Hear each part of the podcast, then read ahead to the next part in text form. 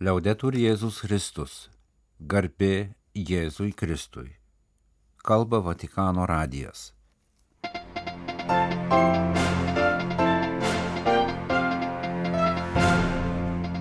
Malonus klausytojai šioje sekmadienio kovo 26 programoje. Popiežius sekmadienio vidudienio maldos susitikime Šventojo Petro aikštėje apmastė Lozoriaus prikelimą iš numirusių prašė melstis už Ukrainą ir paminėjo prieš metus surenktą paukojimą nekalčiausiai mergelis Marijos širdžiai. Paaukojimo metinės paminėtos taip pat Ukrainoje.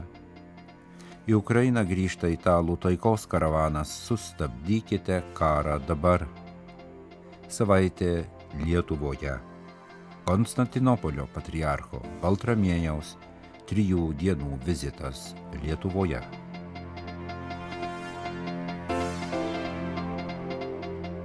Sekmadienio mišių Evangelijos skaitinys yra himnas gyvenimui. Jėzus dovanoja gyvenimą net ir tada, kai atrodo, kad nebėra daugiau vilties, pažymėjo popiežius kovo 26 dieną per tradicinį vidudienio maldos susitikimą su maldininkais Šventojo Petro aikštėje. Pranciškus paragino įsigilinti į paskutinį prieš Velykas liturgijoje paminėtą Jėzaus stebuklą Lozoriaus prikilimą iš numirusių. A volte sentiamo qualcuno dice non c'è niente da fare. Kartais žmonių neviltis būna tokia, jog išgirstame sakant viskas daugiau nebepakeliu. Tai momentai, kai gyvenimas atrodo kaip kapas, ant kurio užristas akmuo. Viskas tamsu, aplink tik skausmas ir neviltis. Tačiau šiandienos stebuklas mums sako, kad taip nėra kad nesame vieni ir kad būtent tokiais momentais Jėzus dar labiau priartėja, kad mus sugražintų į gyvenimą. Jis pravirksta su mumis taip, kaip pravirko dėl mirusio savo draugo Lozoriaus. Jėzus kviečia nenustoti, tikėti ir viltis, neleisti priblokšti neigiamiems jausmams. Jis priartėja prie mūsų kapų ir sako mums taip kaip anuomet, nuriskite akmenį, skausmo klaidų, nesėkmių akmenį.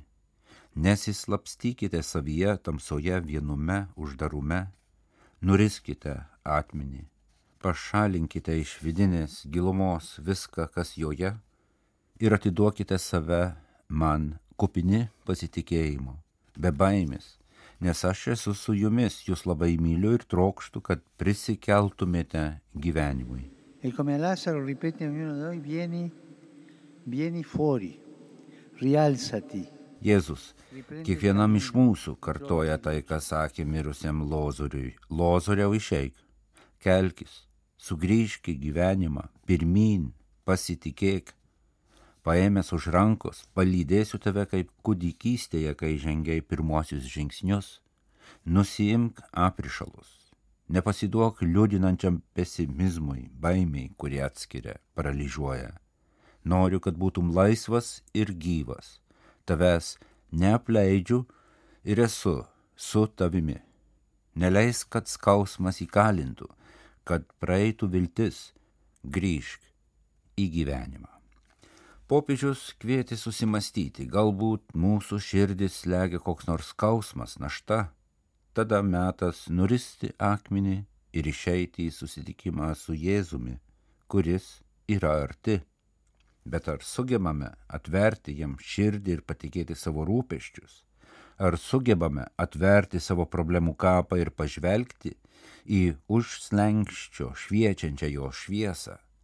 Ir ar mes kaip maži Dievo meilės veidrodžiai, sugebame apšviesti savo aplinką gyvenimo žodžiais ir veiksmais?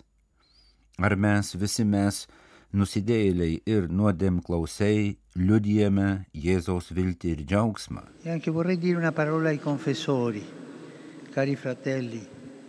Non dimenticatevi che anche voi siete peccatori. Nuodėm klausiai irgi yra nusidėjėliai pridūrė Pranciškus ir jiems priminė, kad išpažintis non per torturare, ne tam, kad kankintų, o tam, kad atleistų.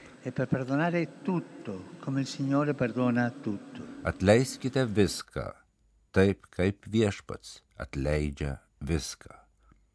Švenčiausiai mergelė Marija, vilties motina, te atgaivina džiaugsmą jaustis ne vieniems ir pašaukimą nešti šviesą į mus supančią tamsą. Po maldos ir palaiminimo popiežius Pranciškus dar kartą kreipėsi į susirinkusius ir klausančius jo žinios per radiją, televiziją ir socialinius tinklus. Pranciškus prisiminė paukojimo švenčiausiai mergelės Marijos širdžiai akto metinės, prašė melstis už kenčiančią Ukrainą, už Turkijoje ir Sirijoje dėl žemės drebėjimo kenčiančius žmonės, Misisipėje žuvusius ir nukentėjusius nuo galingo tornado, taip pat už taikos atkūrimą ir susitaikymą Peru. Ieri, solennità dell'Annunciazione, abbiamo rinnovato la consacrazione al cuore immacolato di Maria. Vakar apreiškimo švenčiausiai mergeliai Marijai iškilmės dieną atnaujinome paukojimą nekalčiausiai mergelės Marijos širdžiai, būdami tikri, kad tik širdžių atsivertimas gali atverti į taiką vedantį kelią. Ir toliau melskimės už kenčiančią Ukrainos tautą, sakė sekmadienį popiežius Pranciškus. Švenčiausiosios mergelės Marijos globojama Ukraina žengia pergalės link, pasakė Ukrainos graikų apieigų katalikų bažnyčios didysis arkivyskupas Svietoslavas Ševčiukas, minėdamas Rusijos ir Ukrainos paukojimo nekalčiausiai į mergelės Marijos širdžiai metinės. Šeštadienį vadovaudamas dieviškai liturgijai Kyjevo Kristaus prisikelimo katedroje arkivyskupas pabrėžė popiežiaus Pranciškaus iniciatyva visame pasaulyje pernai vykusio iškilmingo paukojimo akto svarbą. Ta diena kartu su Ukraina Dievo motinai buvo paukota ir Rusija, šis aktas, pasak arkivyskupo, buvo įvykdytas pagal švenčiausiosios mergelės Marijos apsireiškimus Fatimoje, kurie įspėjo apie grėsmę pasauliui ir prašė melstis už Rusijos atsivertimą. Šventasis tėvas prieš metus paukojo Ukrainą nekaltai mergelės Marijos širdžiai, kad ukrainiečiai jaustų jos motinišką globą ir būtų tikri, jog dangiškoji motina kenčia, meldžiasi kartu su jais ir juos palaiko. Jaučiame, kad švenčiausiai mergelė Marija yra su mumis. Jos nekaltai širdžiai iš naujo paukojame ilgai kenčiančius Ukrainos žmonės, sakė per šeštadienio pamaldas Ukrainos graikų peigų katalikų bažnyčios vadovas. Pernai kovo 25-ąją įvykusio Ukrainos paukojimo nekalčiausiai mergelis Marijos širdžiai metinės paminėjo ir Lotynų apieigų katalikai. Mišioms šią progą šeštadienį aukotoms Berdičiuvo mergelis Marijos šventovėje vadovavo Ukrainos Lotynų apieigų katalikų vyskupų konferencijos pirmininkas Lutsko vyskupas Vitalijus Skomarovskis.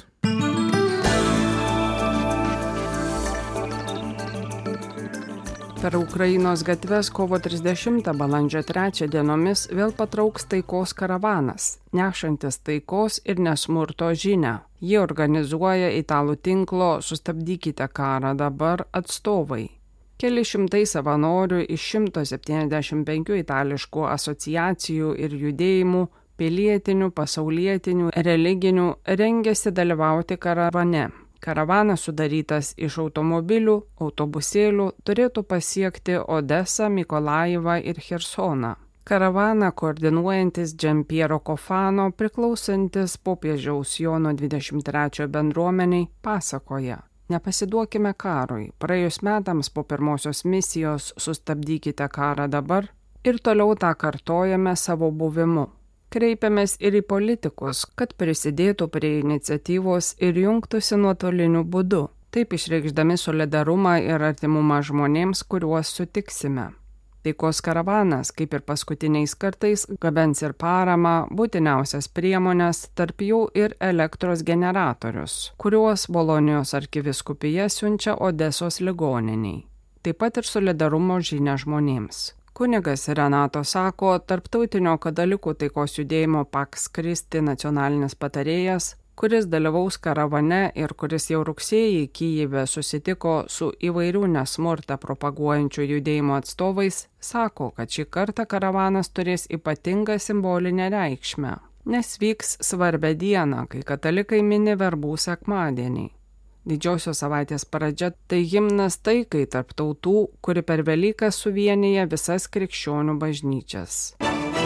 Šventojo sosto atstovas Junktinių tautų organizacijoje Ženevoje atkreipė dėmesį į vis dažnesnius krikščionių ir kitų religijų išpažinėjų persekiojimo atvejus pasaulyje.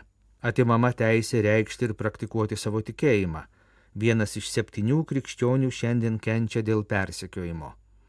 Per 52-ąją Junktinių tautų žmogaus teisų tarybos sesiją Ženevoje kalbėjo Šventojo sosto nuolatinis stebėtojas arkivyskupas Fortunatus Mačukvų. Beje, tai vienas paskutinių oficialių renginių Junktinių tautų organizacijos žinybose Ženevoje, kuriuose arkivyskupas Nvačukvų dalyvauja, nes jau kovo 15 dieną popiežius jį paskyrė evangelizacijos dikasterijos pirmojo evangelizavimo ir naujųjų bažnyčių skyriaus sekretoriumi. Šventojo sosto atstovas pabrėžė, kad religijos laisvės pripažinimas yra absoliuti taikos sąlyga ir būtina sąlyga oriam gyvenimui. Vis dėlto pastaruoju metu padaugėjo represijų prieš religinės mažumas, taip pat padaugėjo maldos namų ir religinių vietų išniekinimo ir naikinimo atvejų, taip pat smurtinių išpolių prieš religinius lyderius. Nemažesnį nerimą, pasak Vatikano atstovo, kelia ir tikinčių diskriminacija paslėpta po tariamos tolerancijos priedanga.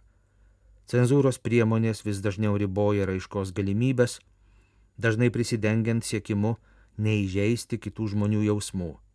Tai kenkia sveikam dialogui ir viešajam diskursui, taigi ir pagrindiniai teisiai į religijos, žodžio ir sąžinės laisvę. Valstybės privalo ginti religijos laisvę. Kiekvienas žmogus turi turėti galimybę gyventi pagal savo sąžinę ir liudyti savo tikėjimą taip pat viešojoje erdvėje, pabrėžė arkivyskupas Nvačiukvų. Žiniasklaidos kanalais plačiai ir palankiai nušviestas Konstantinopolio patriarcho Baltramėjaus trijų dienų vizitas Lietuvoje. Antradienį patriarchas Baltramiejus pasirašė susitarimą dėl glaudesnio bendradarbiavimo su Lietuva. Vyriausybės vardu dokumentą pasirašė premjerė. Komentuodama šį susitarimą, jis pareiškė, kad Lietuvoje atsiveria perspektyva siekti Konstantinopolio patriarchato egzarchato įsteigimo.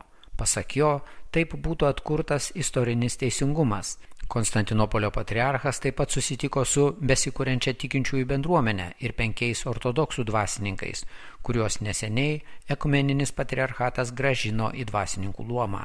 Šie dvasininkai anksčiau priklausę Maskvos patriarchato Vilniaus ir Lietuvos arkiviskupijai buvo nubausti už pasipriešinimą Rusijos vykdomam karui Ukrainoje.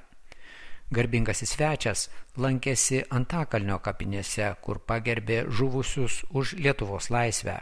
Trečiadienį patriarchas Baltramiejus dalyvavo Seime vykusioje konferencijoje Tarp kultūrinis ir religinis dialogas. Renginį sveikinimo kalbomis atidarė Seimo pirmininkė ir premjerė.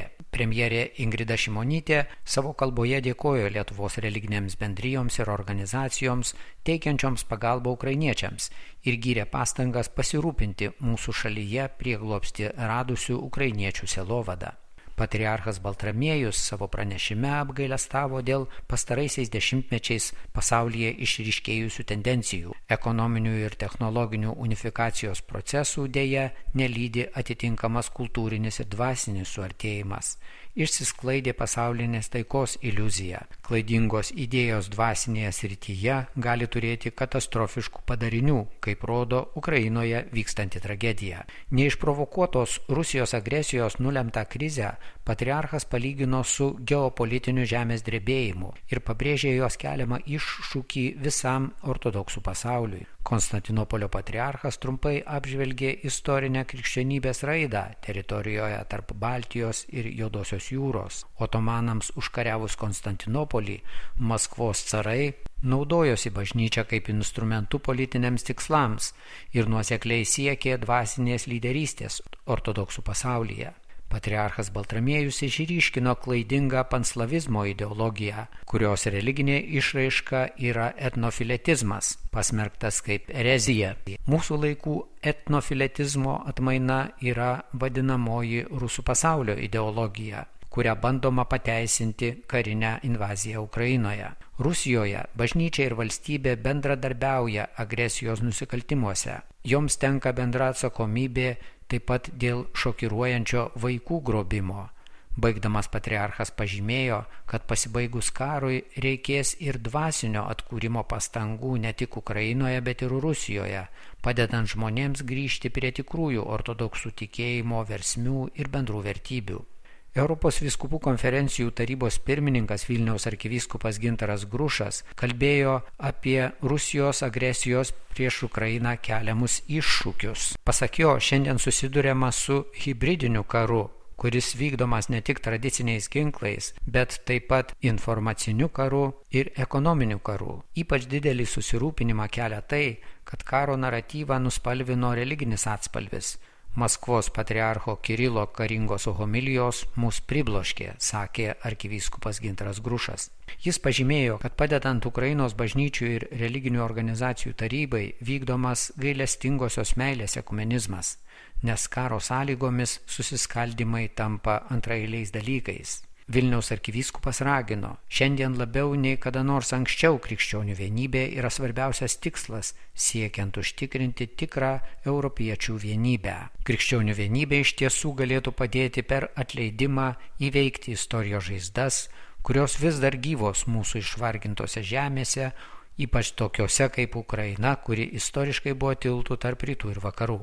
Po konferencijos Seime arkivyskupas Gintaras Grušas palydėjo patriarchą Baltramiejų į okupacijų ir laisvės kovų muziejų, buvusiame KGB kalėjime. Jo šventenybė po apsilankimo paliko tokį įrašą svečių knygoje. Žmogaus negali nepapiktinti šie siaubingi ir nežmoniški šietoniškojo KGB nusikaltimai ir apskritai ateistinis komunizmas, kuris negerbė ne tik religijos, bet ir žmogaus asmens šventumo bei orumo. Pasirašė karštai už jūs besimeldžiantis Dievui patriarchas Baltramiejus iš Konstantinopolio. Garbingasis svečias lankėsi ir aušros vartuose, meldėsi prie gailestingumo motinos atvaizdo. Jis giesme pasveikino mergelę Mariją, draugė su kitais lotyniškai meldėsi Tėvę mūsų ir Sveika Marija maldas. Patriarchas ragino nepaliauti melsti Mariją taikos Ukrainai ir įteikė dovaną Čiainičią Dievo motinos ikoną. Baigdamas vizitą Lietuvoje, patriarchas Baltramiejus dėkojo už šiltą prieimimą aukštiesiems valdžios atstovams, ambasadoriams, Vilniaus katalikų arkivyskupui. Jis taip pat išreiškė apgailestavimą, kad Maskvos patriarchato arkivyskupijai Lietuvoje vadovaujantis metropolitas Inokentijus dėja neatvyko susitikti su Konstantinopolio patriarchu. Tiesa, buvo pranešimų apie viešą kvietimą apsilankyti Šventojios dvasios vienolyne, Tačiau pasak patriarcho Baltramiejaus, tai nebuvo derama forma išreikštas tikras kvietimas. Iš Kauno Vatikano radijui Kastantas Lukėnas.